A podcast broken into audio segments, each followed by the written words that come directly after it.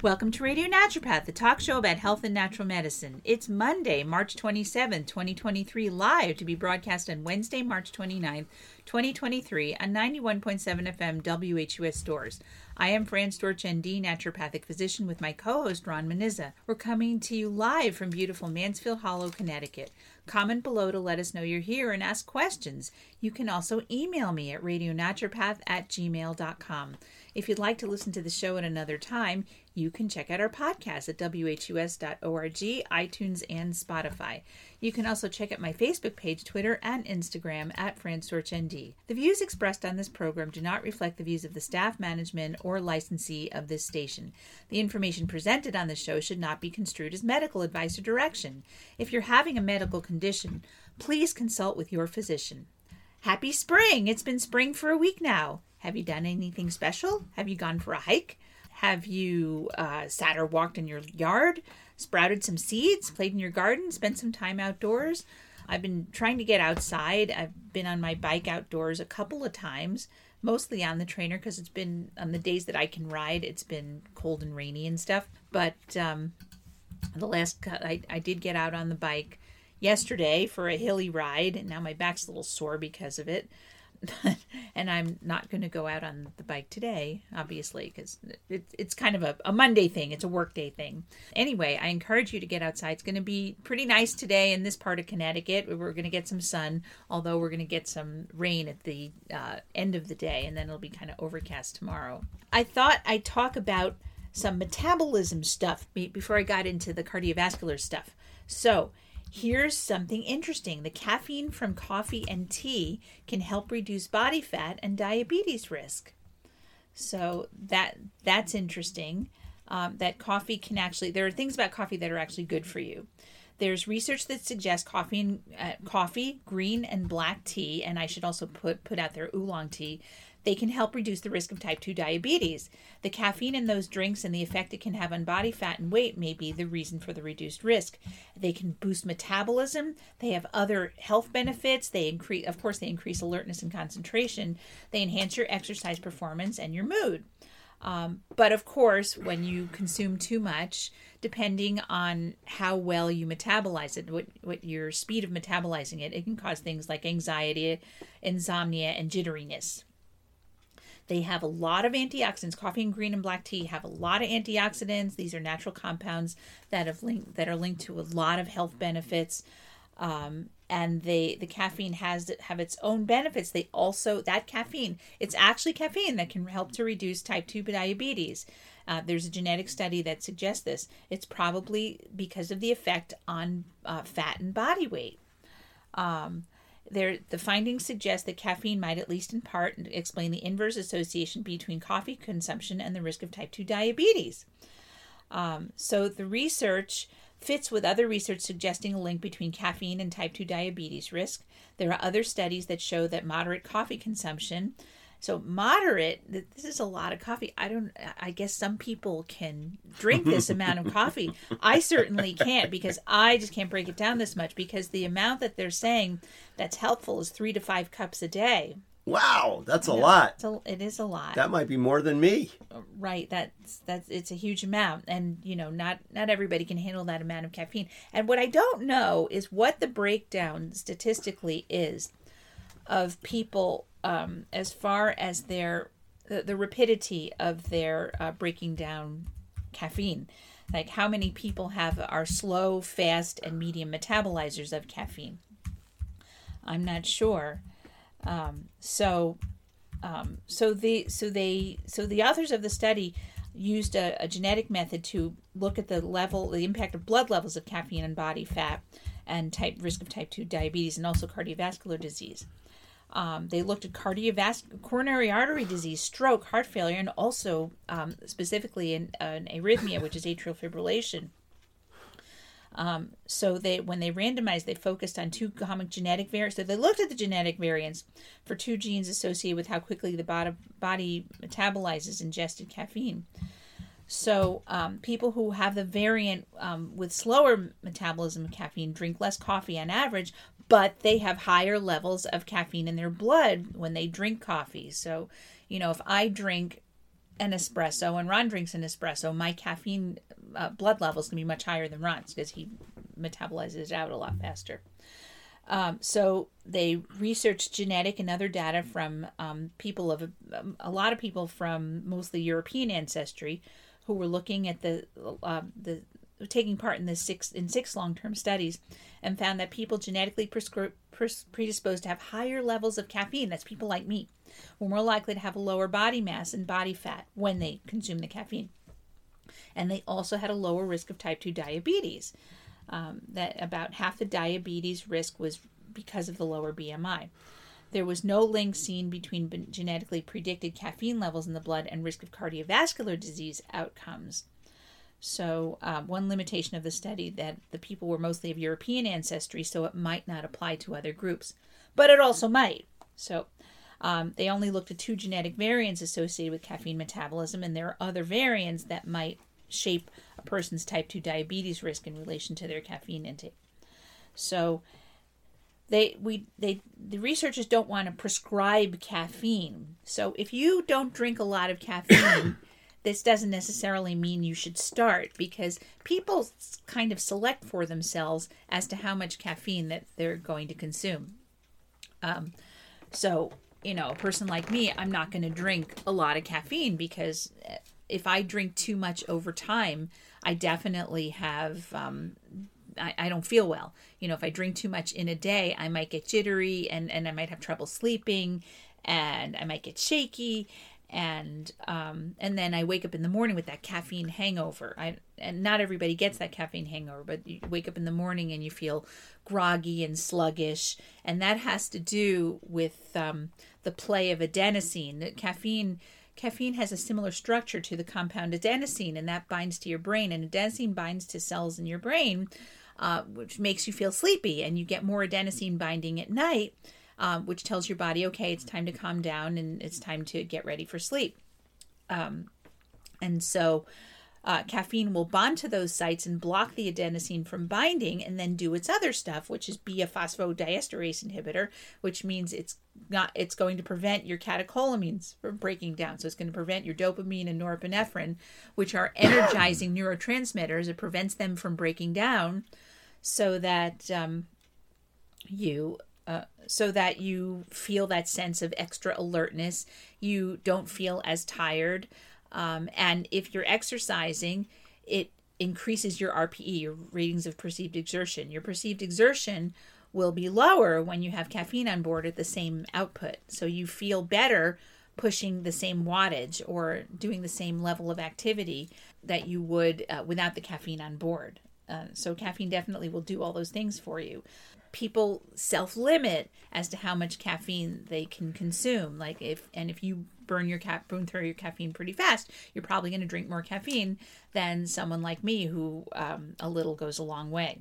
I mean, one like a quarter cup a quarter cup or less of coffee will send me you know it will make me wired for hours it's it's pretty amazing i i don't have uh, a real you know I, i'm definitely a slow metabolizer so um, they want to do randomized control trials to assess whether non-caloric caffeine-containing beverage could play a role in reducing the risk of obesity and type 2 diabetes. So you have to remember, if you want to get these effects, if you're going to put a bunch of sugar and fatty creamer into the coffee, it's going to negate those effects because sugar and cream, they, uh, you know, sugar and cream together. Now you have the fat and sugar um, binding, or fat and sugar uh, cohort, uh, which is going to um, increase your neuropeptide Y. And when you increase your neuropeptide Y, it turns on your fat storage and it causes you, it, it, it stops your satiety so that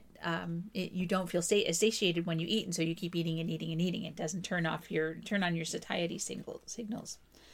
So um, that right now, the researchers are not saying don't start drinking caffeine to reduce your diabetes risk that you still should focus on you don't get to just drink caffeine and lose weight. You, you still have to um, eat a really healthy diet reduce your stress and get physical activity. That's i mean it's just that caffeine may enhance your efforts in that way. And again if you are going to um, consume caffeine if you do it with um, sugary and fatty stuff in, in it, it's not going to work as well. So, um, caffeine has other potential health benefits, as we said, the the um, re- increasing alertness and concentration, and in, enhancing your exercise and performance. It improves your mood, although if you're like me, once it's offline, you get more irritable. So it it kind of it kind of produces swings. It's not it can be if you're not a real good metabolizer, it, it can be um, fraught to consume it. But they talk about people consuming about four up to 400 milligrams of caffeine a day, um, and but again, there's a wide variation of how sensitive people are to caffeine. Um, and 400 milligrams is about four or five cups of brewed coffee. Green and black tea tend to have lower amounts, although it depends on the green or black tea. If you're doing a strong breakfast blend of, of tea, it might have almost as much. Um, so, um, so limiting your amount um, can be really um, can be really helpful. Um, so, you you again, as I was saying, you don't want to consume forms of caffeine that are high in added sugar and added fat uh, because of the because of what I said. The big thing is the neuropeptide Y. It increases neuropeptide Y in your brain that turns off your satiety signals so that you just feel like eating and eating and eating, and also turns on your fat storage. Um, so it's not a good idea to have you know major sugar sweeten those those big um, fun drinks that you get at certain um, coffee houses and coffee places. Um, and you also want to, of course, be aware of what time you're consuming the caffeine. It, the later in the day that you consume it, the more it is to affect your sleep. That makes sense, right? So, so be careful with your caffeine. But we wanted to let you know that caffeine can indeed, if you can tolerate it, it can be helpful for fat loss. All right. So in so thinking about um, speeding up your metabolism and helping with fat loss, I thought um, I thought I'd talk to you about some foods that can help to speed up your metabolism. Now, again, the way to lose fat, if you want to lose fat, first of all, is not to focus on the fat loss because uh, fat loss is neither linear, fair, nor predictable. Uh, you can do everything that you think is right in a given week and not lose weight, right? So that that is a thing that happens. Um, and so if you focus on the numbers on the scale, you just make yourself crazy. So the best thing to do is to live a healthy lifestyle, get adequate rest, get adequate sleep, do restorative activities like uh, guided meditation, yin yoga, restorative yoga, tai chi. Um, do stuff like that and uh, get regular exercise, whatever exercise you will do in um, a moderate way. Sometimes you do it hard and sometimes you do it easy, and sometimes you rest um, and um, and then so because the way that you lose fat is um, reduced caloric intake in a state of hormonal balance, and to get the hormonal balance, you have to get your rest. That, that that's the most important thing.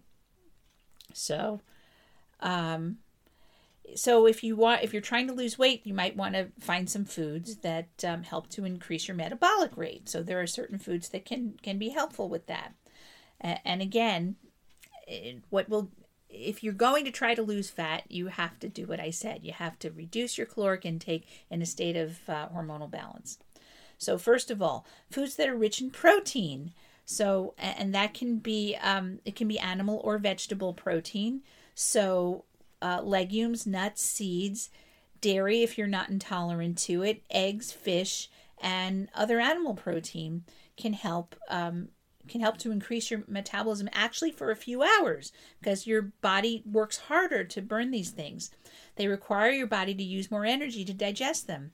Um, so they have a higher TEF. That's the thermic effect of food. Um, and so that that means that your body uses calories in order to burn these things. So uh, protein-rich foods increase your thermal effect the most. Um, so they they can increase your metabolic rate by thir- 15 to 30 percent which and it's carbs are the easiest thing to go up. Uh, that, actually that's not true. They're the medium thing to go up and fat it, it takes the least energy to metabolize fat um, and the most energy although fat doesn't raise your insulin as much as carbohydrates and protein do. But um, it's your body takes up fat the most readily, and followed by carbs, followed by protein. It takes 15 to 30 percent of the calories. It increases your metabolic rate by 15 to 30 percent consuming protein. Uh, when you eat protein rich diets, it, it reduces that drop in metabolism that you'll get um, when you drop your calories and by holding onto its muscle mass. And this this is even more important for women when when we're trying to lose weight because um, when women reduce their caloric intake, they um, reduce their leptin, and their leptin goes down more than when men try to lose weight. So uh, leptin is a hormone that helps you feel your satiety, and so if you consume more protein, you uh, will help to mitigate that effect. Um, so uh, and so, uh, but and pro, but protein will help for men and women. Um, and protein, which when you eat protein, it helps you feel full longer because it does take more energy. But protein will sit in your stomach longer than than high carbohydrate foods. Um, so you'll feel satisfied for longer, and um, you'll get that increased metabolic effect. And the other thing is that protein.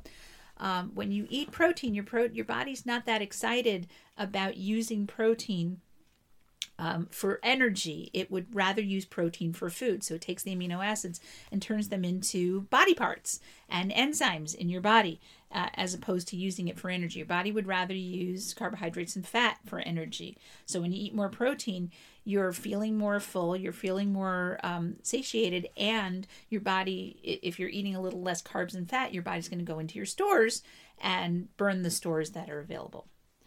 Um, all right. So the next thing that helps your metabolism is stuff with minerals in it, um, and particularly iron and selenium. And um, so iron and selenium are both needed for functioning of your thyroid gland.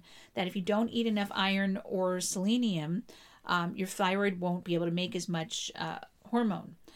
So, um, so you can eat foods that are higher in iron and selenium meat, seafood, legumes, nuts, and seeds all have these. Selenium is important in the conversion of T4. T4 is the um, is the main hormone that's made by your thyroid gland, and it it's it's kicked out into your system, and then thyroid peroxidase converts T4 to T3, and T3 is more active than T4, and your body really helps to regulate the amount of T3 that is running around in your system because it is so um, it's so intense. And so uh, your body wants to have an enzymatic control of how much it makes. It and there are cofactors to thyroid peroxidase that helps you make that T3. And if you don't have enough, you might not make enough T3. So selenium is really important for that. So if you eat foods that have a bunch of selenium in them, you're going to get enough selenium, and then you'll um, that that's energizing. That will help you turn your T4 into T3. So um, then there's chili peppers. So, capsaicin is a chemical that's in chili peppers. Uh, that can boost your metabolism. It increases the rate that your body burns calories. Um, there are notes from, there are studies, a lot of research studies on capsaicin. And you can take supplements and you can actually eat the peppers themselves. And you can do, you can have um, very low doses or you can have higher doses. And um, low doses even can be helpful. So if you just sprinkle a little bit of cayenne in your food, it's going to help with your metabolism. Um, and it may increase the amount of fat your body burns for energy, especially if you eat a high fat meal. Um, and the more spicy food you eat, the less this applies. So if you don't eat a lot of spicy food and you eat it once in a while, that spicy food's going to increase your metabolism. Um, and so the findings are mixed, but it is something you can use. And and the thing with capsaicin, capsaicin is helpful for a bunch of things. Um, capsaicin is a nitric oxide enhancer, so it you make more nitric oxide that helps to relax your blood vessels. It improves your circulation, and um, and so if you have problems with high blood pressure, capsaicin can help to bring your blood pressure down. Uh, and if you have issues with circulation, circulation is something that can be helpful for um, uh, for your metabolism as well. Uh, having good circulation helps you uh, to exercise better, helps you to tolerate your exercise better, and it helps you to perform better. So um, nitric oxide enhancers are are helpful for that. All right. then we talked about coffee, that there were a bunch of studies that people who consume at least 270 milligrams of caffeine a day, I don't know if I could do that, uh, which is about three cups of coffee, will burn up an extra 100 calories a day, which is not a lot. I mean, you could probably back off your food consumption by about 100 calories, but um, you, you can, uh, if you the three cups of coffee seems like a lot and i mean i wouldn't be able to drink that. There are a lot of people who can. Um, and i tell my patients if you don't have any health effects from consuming caffeine then by all means consume caffeine because it does have health benefits if it doesn't make you jittery and not feel bad and so if if caffeine gives you heartburn and indigestion and irritable bowel and you know if you and you know if you don't consume caffeine you feel better caffeine is not good for you. Caffeine is only good for you if it's good for you. If it's not good for you it's not good for you. So um, i yeah i i tell people because caffeine if it's affecting your sleep uh, if you have insomnia and you're consuming caffeine that doesn't make sense because and people tell me but i only consume caffeine in the morning uh, and and they have insomnia. I'm like, does it make sense to put something in your body that sabotages sleep when you can't when you're not sleeping well? At least try it. Try a couple of days of no caffeine and see if you sleep better. And if you don't, if if your sleep is unchanged, then maybe you have a point. But um, and, and especially where there are you know there are benefits, health benefits to the caffeine, but it doesn't make sense to me to put a stimulant in your body when you're not sleeping well. So uh, anyway, so be careful of that. And then there's tea. Tea also has caffeine in it, but cat tea also has catechins that work with uh, uh, work along with caffeine to boost the metabolic rate. Um, and the study, there's studies on oolong and matcha. So oolong is partially fermented tea. You take green tea. Green tea is when you put you pick the tea leaves just after they have opened and they're and you lightly steam them and now they're green and then you ferment them a specific way for a short amount of time and you get oolong tea if you ferment them longer then you get your various varieties of black tea and the varieties of black tea depend on how they're fermented where they're grown um, and uh, basically on how they're fermented and, and where they're grown and so you're going to get different flavor profiles based on where they're grown, how they're grown, and how they're fermented.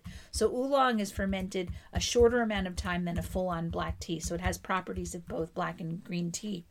And then matcha tea. So matcha tea is basically you take the green tea, you pick the leaves, um, right when they're ready and available, and then you you turn them, you pulverize them, you turn them into a powder. So the thing with matcha is you get a lot more benefits from matcha than you get from steeping tea because you're drinking the powder. You're actually consuming the leaves, so you get a lot more antioxidants. Thing to be careful of is depending on how much matcha you consume, it can have more caffeine in it because you're not just dipping the bag into water and letting the constituents come off. You're actually consuming the whole leaf.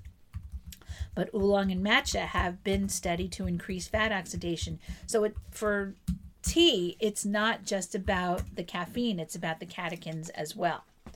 So um, polyphenols, that are catechins are a type of polyphenol, and there these polyphenols are found more in tea than in coffee, and so you might be able to get away with less caffeine and from consuming the tea because you have the the additive effect of the catechins. And so if you're a person who doesn't do well with caffeine, you doesn't do well with a lot of caffeine, having the catechins on board uh, might help you so that you are uh, able to consume less caffeine and still get your nice effect.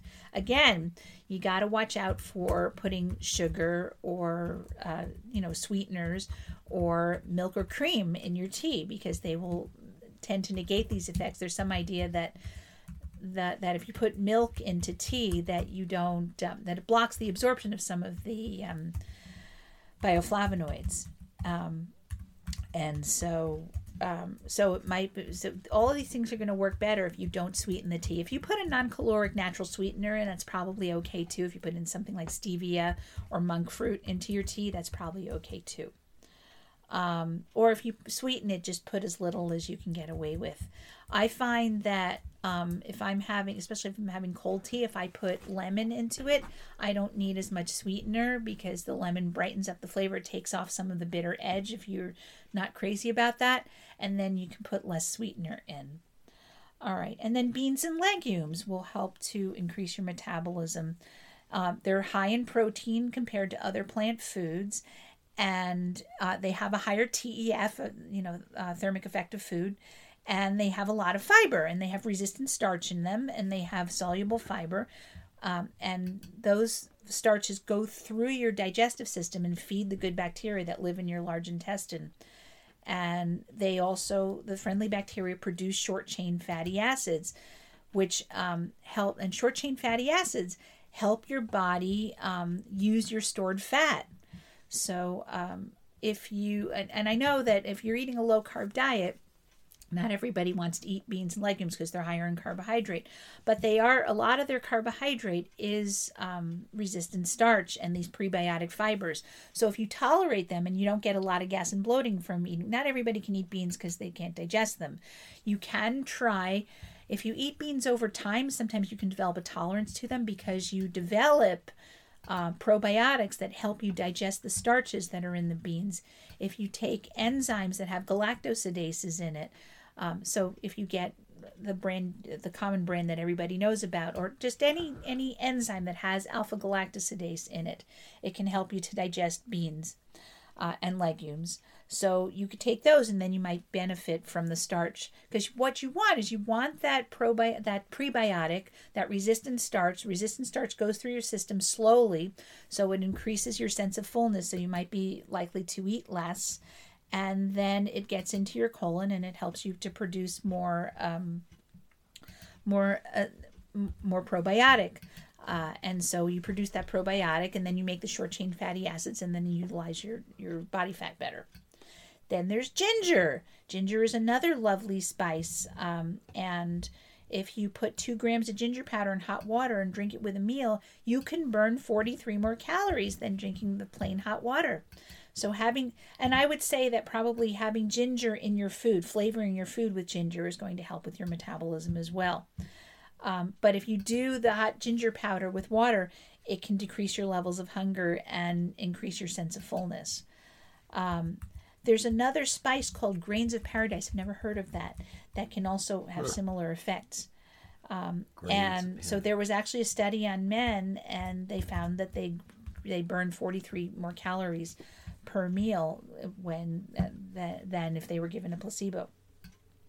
Um, so some people didn't respond either. So not everybody who got this uh, got the, either the ginger or the grains of paradise responded.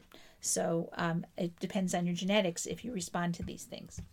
All right, and then there's cacao. Cacao and cocoa are tasty treats. They may boost your metabolism. Um, there are mice studies that show that co- cacao and cocoa extracts may promote the expression of genes that stimulate fat burning. Um, and um, when they studied mice that ate high fat diets and high calorie diets, there was a there was a good effect on this. And so the thinking is it may prevent the action of enzymes that break down fat and carbs during digestion. So um, it prevents you from consuming some of the calories they provide. So when you um, when you do the studies on actual humans are rare. Make sure you're doing raw organic cocoa that has not been alkalized. And again, the less sugar, the better. That if you're going to eat squares of dark chocolate, make sure that it's at least 70%. And uh, if you use unsweetened cocoa in anything, you're going to get more benefit from it. So if you use cocoa nibs or if you use um, cocoa powder that has not been sweetened, then um, you're going to get more benefit from that. Then there's apple cider vinegar. All my patients come in. I do my apple cider vinegar. Is that good for me? Um, apple cider vinegar uh, can be helpful. There's some animal studies that show that it does increase the amount of fat that's burned. Um, it's often claimed to boost metabolism. Um, it might help you lose weight. It slows stomach emptying and enhances your feelings of fullness. So it's another um, satiety builder. Um, so um, you want to take about one to two tablespoons a day. It's a, a, day. It's a good idea if you're going to take apple cider vinegar with your meal, either dilute it in water or it's a really good idea to drink plain water right after you swallow the apple cider vinegar and swish your mouth with the plain water because the the acids in it can eat at your tooth enamel. In fact, anytime you're eating anything acidic, it's a, like if you're eating a lemon or an orange or something like that, it's a good idea to, um, when you're done with it, it have some water and it, it doesn't have to be a lot, but just enough water so that you can swish it in your mouth and get rid of some of the acids so that acids are not hanging around in your mouth afterwards. Then there's MCT oil, that's medium chain triglyceride oil. Um, medium chain triglyceride oil, it's a unique type of fat, has some metabolic benefits. Um, MCT oil is, is primarily uh, the place where it's often extracted from is coconut. And there's some thought that when you um, increase uh, MCT oil consumption, it, it can increase your metabolic rate. Um, they're, they go directly to the liver to be used for energy and they're less likely to be stored. Um, and so you can take it as a supplement. It can be added to foods like soups or smoothies. People like to put it in their coffee. Um, you, you can put it in anything. I take spoonfuls of it. You can buy it flavored or you can buy it unflavored and flavor it yourself. Um, and, you know, because mine, it just takes like oil. And then if you put a little bit of flavoring in it, it makes it taste like a nice, uh, yummy, fatty treat. Um, water. So here, here is this uh, lovely substance. Water is thermogenic. So when you drink enough water, it helps your uh, all of all of your organs of detoxification and metabolism require water. So um, if you are dehydrated, your liver and your kidneys and um, your lymphatics, nothing will work as efficiently. Um, and that when you drink enough water, there are studies that show that uh, water can boost your metabolism by as much as 24 to 30 percent. And it's um, and that's explained and if you drink cold water the effect is additive because you your body needs to heat the water to body temperature um, so if you drink cold water you, your body will will warm it up and it'll use energy and circulation to do that um, and it only lasts for about 49 40 to 90 minutes um, after drinking the water so the strength can vary from person to person but that also means you should be drinking the water throughout the day then there's seaweed. Seaweed has a lot of iodine in it, and iodine is needed for, um, it's an essential mineral that you need to make thyroid hormone. And if you don't have enough iodine in your diet, you might not have enough thyroid hormone. Uh, when so you can eat seaweed. Seaweed has seaweed overall has more iodine in it than actual fish. Um, so not everybody likes to eat seaweed, but um, there's some ways that you might be able to eat it. Um, you can get these snacks that are flavored. They, they might be flavored with just oil and salt. Sometimes they're flavored with things like wasabi or mustard or onion uh, or sesame oil. And um, you can eat them as snacks. Uh, and then you can also get seaweed seasoning. So you can get seasoning, for example, that's basically Italian seasoning that has kelp added to it. You can get a mixed seaweed blend that you can sprinkle on savory foods or into any foods. Um, and the other thing you can do is you can take seaweed um, and you can put it in your soup or rice uh, or other grains while they're cooking, and then you don't have to eat the seaweed. You can um, pull it out if you want to, and the minerals will be imparted into the broth, into the water that you're consuming. So, um, so those are some foods that can increase your metabolism. And um, then I separated this by foods that can increase your fat burning. And um, so, foods that can increase your fat burning are going to be similar to foods that increase your metabolism. So, so let's see what we say here. Um, so then there's there's fatty fish. So fatty fish is going to be like mackerel, sardines, herrings, salmon. They have omega 3 fatty acids and they reduce inflammation and decrease heart disease and can help you lose body fat. In a six week, there was a six week controlled trial of 44 adults who took fish oil supplements. Um, and they noticed a drop in cortisol and they lost um, one and a half pounds. So that drop in cortisol could have helped them with their fat loss because cortisol puts sugar into your blood, which if you don't use it up, um, will get stored as fat. So if your cortisol, the less cortisol you have, um, especially uh, if you have excess cortisol and you help to drop that, you're going to be more likely to to to burn more fat. Um, and because you're going to have less sugar in your blood and you're going to be less likely to store fat. And so I tell people that if you're after fat loss, one of the most important things to do is reduce your stress. It's not just about getting that exercise and eating less food, which are helpful, but um, doing actual stress reducing activities like um, just spending time being quiet. If you have a lot of things to do, just take time in between the different things that you do.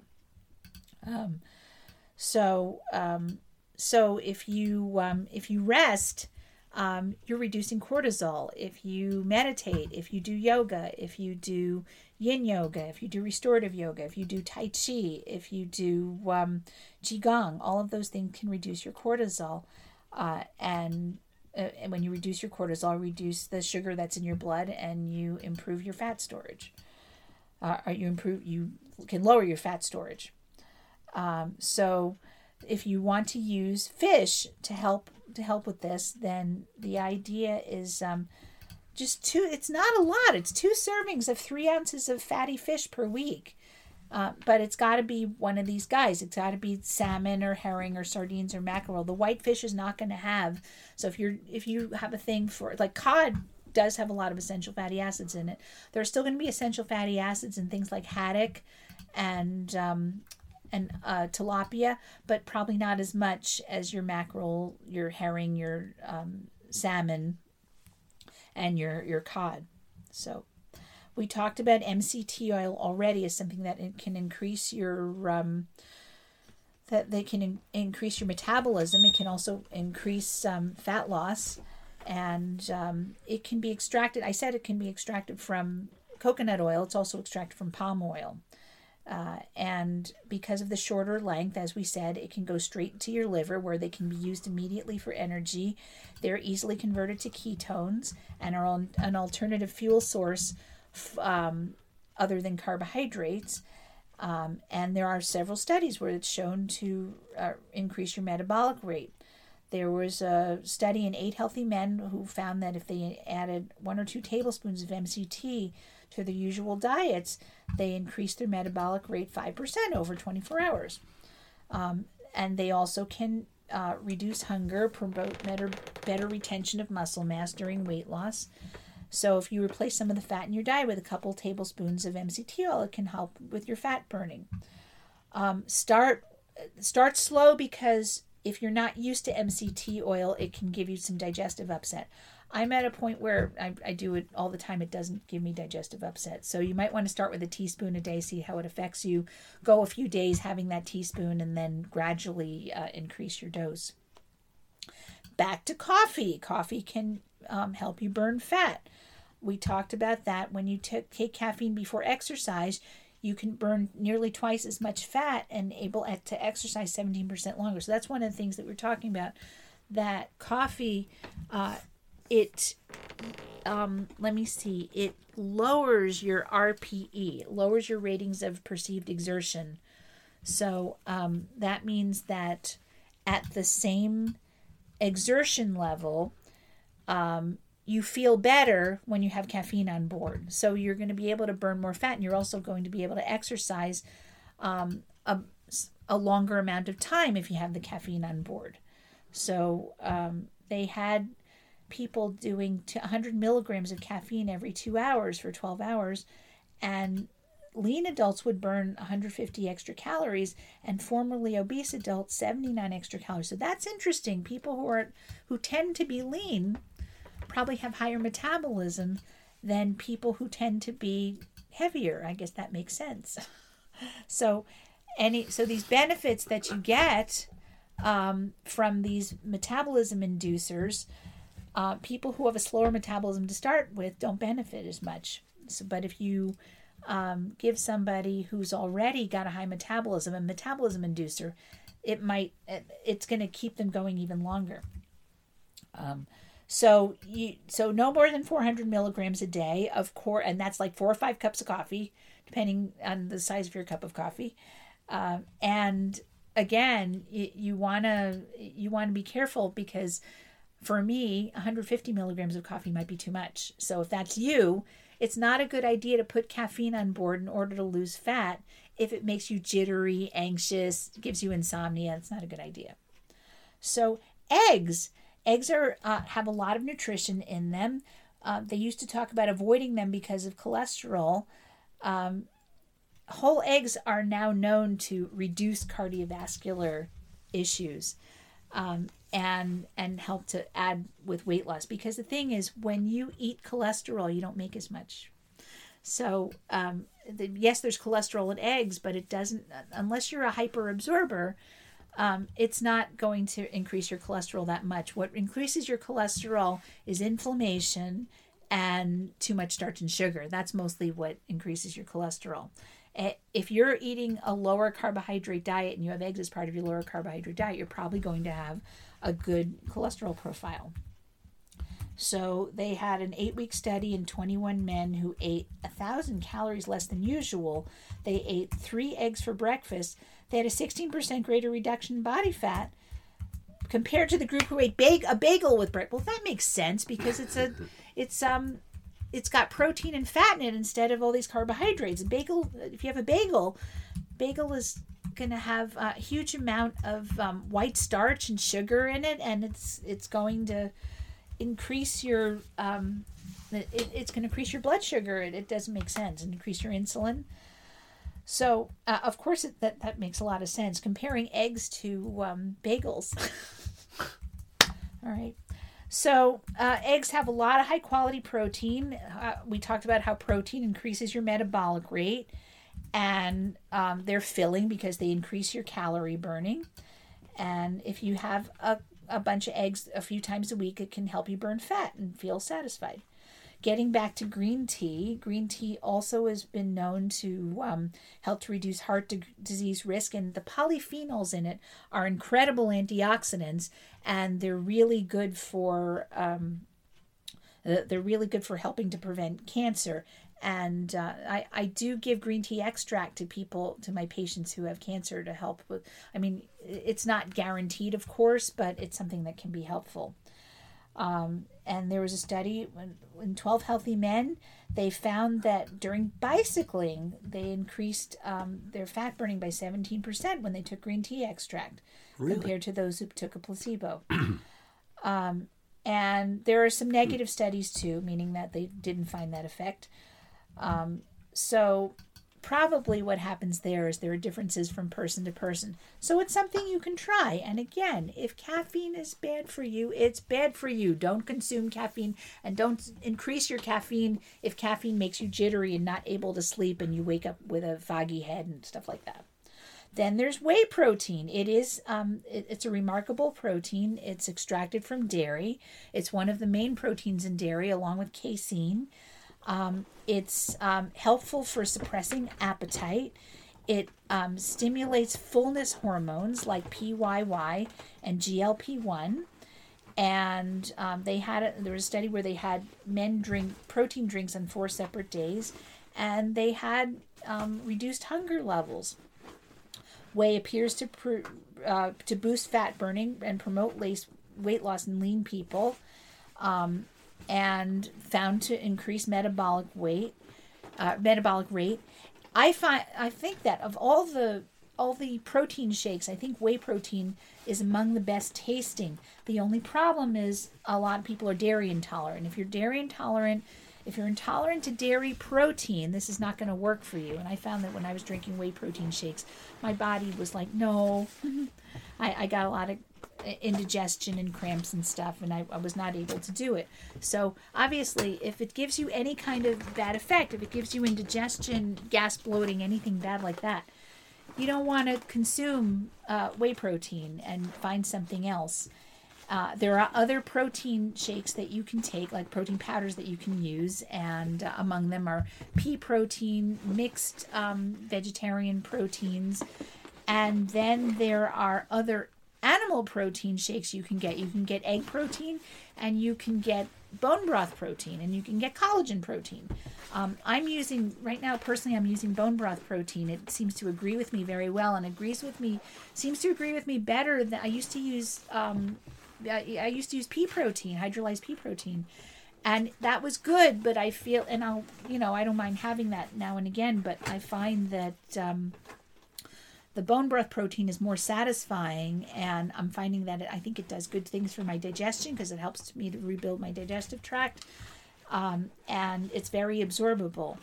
But if you are not dairy intolerant, you're not whey intolerant, and you want an easy protein shake, whey protein has a lot of good studies on it, and the amino acids in whey protein um, go right up into your system. They're very easily absorbable. They're immune globulins in whey protein. If you get good um, whey protein from grass fed cows, um, I think it's a good thing to use as long as you tolerate it and digest it well. Ron uses whey protein.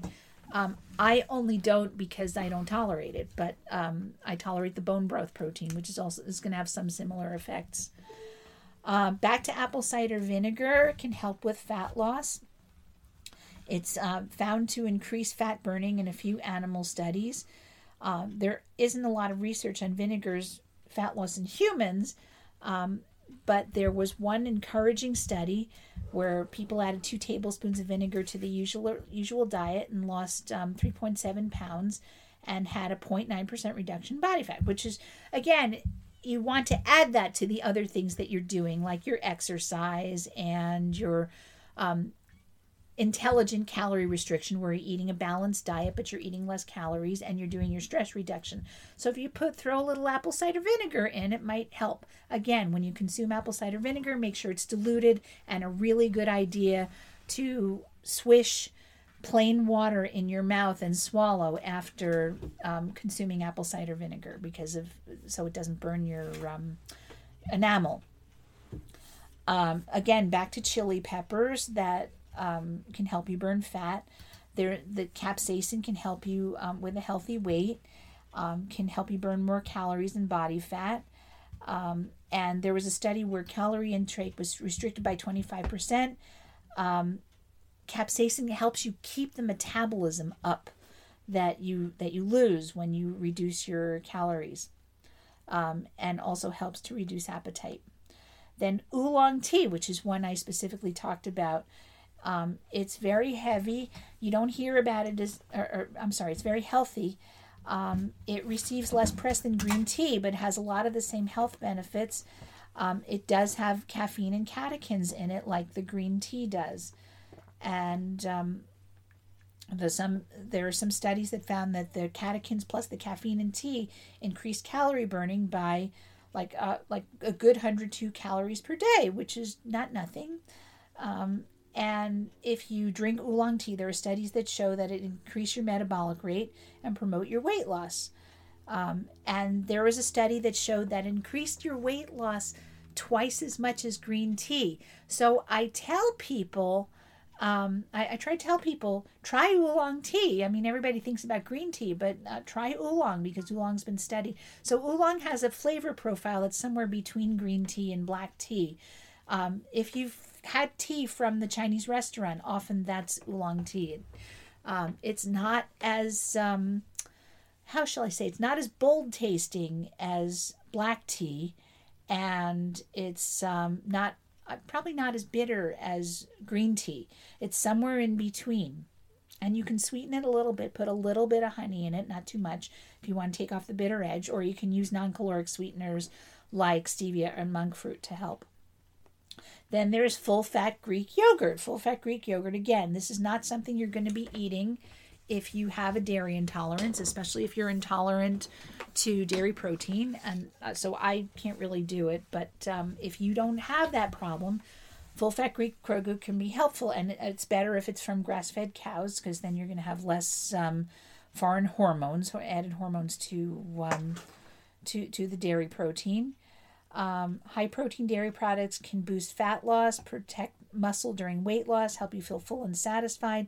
The probiotics are going to be helpful, um, can help reduce irritable bowel syndrome. They'll only reduce irritable bowel syndrome if the dairy protein doesn't give you, uh, enhance your irritable bowel syndrome. But if you are tolerant to the dairy, it's going to help your constipation and bloating, the probiotics.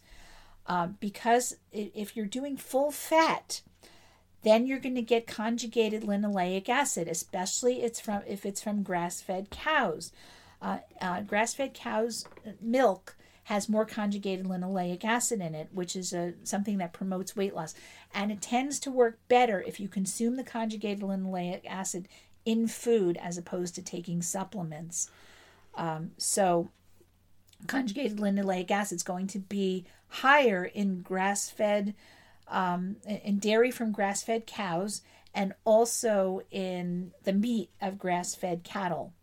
Um, so, if you have some red meat from grass fed cattle, you can get more conjugated linoleic acid.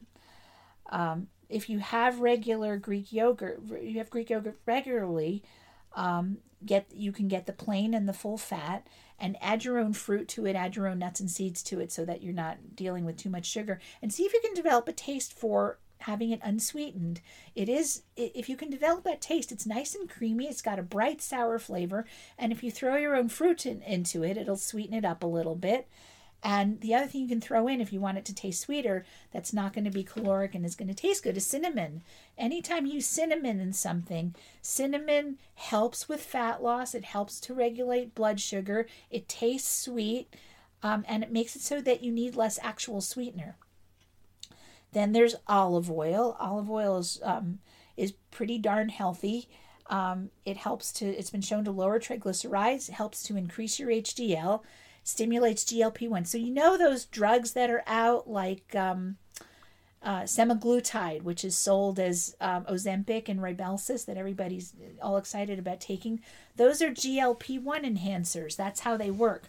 Well, olive oil uh, also helps to um, release GLP 1. Um, so, you get a lot of side effects when you take those drugs. Um, and when you get when you take olive oil you, you don't get nearly the side effects unless you have some kind of a sensitivity to it um, olive oil has been shown to possibly re- increase metabolic rate um, and there was a study of 12 postmenopausal women who showed that when they ate extra virgin olive oil, oil as part of a meal um, it, it increased in the amount of calories burned you can put it on your salad you can add it to cooked food so there's a bunch of foods that can help to increase fat burning. Again, remember, if you want to increase fat burning and help yourself lose weight, number one, stress reduction. And stress reduction is doing less stuff and getting more rest and doing restorative activities like and anything that um, the restorative activity that you want to do is one that includes deep breathing because deep breathing directly lowers cortisol.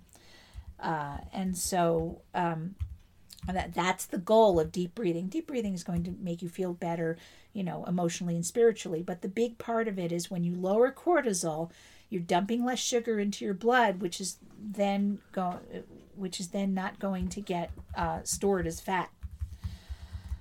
Um, so, so um, that so you need to so stress reduction is the number one thing to help with fat loss, followed by hormonal balance, which is part of lowering your cortisol. Um, so you want to have a good proportion of androgens, estrogens, and reduce your cortisol. And calorie restriction. You do have to re- restrict your calories in order to lose fat. Um, but all of these other things can help if you do all of those things and you consume some apple cider vinegar and you consume some oolong tea and you add MCT oil and you increase your protein and reduce your carbohydrates and eat more fiber, all of these things are going to help. So, all right, so let's talk about soluble fiber. Um, and then I think we'll wrap it up. So soluble fiber is really good for you. It can um, it can help with fat loss as well, um, and so so fiber in fiber in general helps you with fat loss, but soluble fiber helps more. So Soluble fiber, if, again, we were talking about when you eat legumes, it, it increases your friendly gut bacteria. Do you know you have 100 trillion bacteria living in your gut, mostly in your large intestine? No. Yeah. Um, and there are different species of bacteria that play important roles in various aspects of health, including weight management, blood sugar control, immunity, brain function. Uh, bacteria need to eat well to stay healthy. So, fiber, uh, mostly soluble fiber, helps with that. It passes through your digestive system mostly unchanged. It reaches your friendly gut bacteria at, that digest it and turn it into usable energy. Um, the kind of fiber that's in it is a prebiotic. Prebiotic simply means that it goes into your digestive system, and your um, and your your probiotic bacteria um, will will eat the soluble fiber, so it can be really helpful. Um, good gut bacteria help with chronic inflammation because they produce um, short chain fatty acids, which leads to less gut inflammation, uh, improvements in related impl- inflammatory disorders. So, if you have an autoimmune condition or you have an, an, an irritable or inflammatory bowel disease, um, or if you even have just general uh, muscular inflammation, if you have better gut flora, you're going to have less problems with those. So, chronic low level inflammation plays a role in every chronic Western disease heart disease, Alzheimer's, metabolic syndrome, uh, diabetes. Um, so, when you eat soluble fiber, it can help reduce your appetite, it helps you eat less. Um, when you count calories, it can help a lot of people, but if you choose the right foods, you may not need to count calories. Again, increasing your soluble fiber, um, increasing your protein, increasing your me, um, medium chain triglycerides, eating more fish, those can all be helpful. Um, the more soluble fiber, uh, the more viscous it is. Um, it'll help to reduce your appetite and food intake. Uh, it's how thick and sticky it is. Um, and so pectins, beta glucans, psyllium, glucomannan, guar gum, all thickened in water, which forms a gel that kind of sits in your gut and, and causes slower gastric emptying, uh, slower emptying of your stomach. So it increases your digestion and absorption times, and you have a prolonged feeling of fullness. So you might be likely to eat less, and then you get the benefit of those prebiotics. You could take fiber supplements, but it's really better to eat the fiber from food. But you can take glucomannan, which is extracted from the konjac root, and it's a viscous fiber. It has been shown to have a, a modest increase in fat loss, so it can be helpful. Um, it's really um, a good idea to focus on whole plant foods like beans and legumes, flaxseed, asparagus, Brussels sprouts, oats. They all have a lot of uh, soluble fiber in them. So that's what you get today soluble fiber. And next week, I promise, we'll start talking about cardiovascular disease. But I thought you might want to get a jump on eating a healthy diet because we, it is springtime, so people are interested in that. Um, you've been listening to Radio Naturopath, the talk show about health and natural medicine. I am Fran Storch, ND, naturopathic physician, with my co host Ron Menizza. You can email me with questions and comments at radionaturopath at gmail.com. If you'd like to listen to this show at another time, you can check out our podcast at whus.org or iTunes and Spotify. You can also leave questions or comments at my Facebook page, Twitter, and Instagram at FranStorchND. The views expressed on this program do not reflect the views of the staff, management, or licensee of the station. The information presented on the show should not be construed as medical advice or direction. If you're having a medical condition, please consult with your physician. Thank you for listening to Radio Naturopath, your show where you can learn about the best of science and nature. We'll be back with more Radio Naturopath next week at 91.7 FM, WHUS Storrs, and WHUS.org.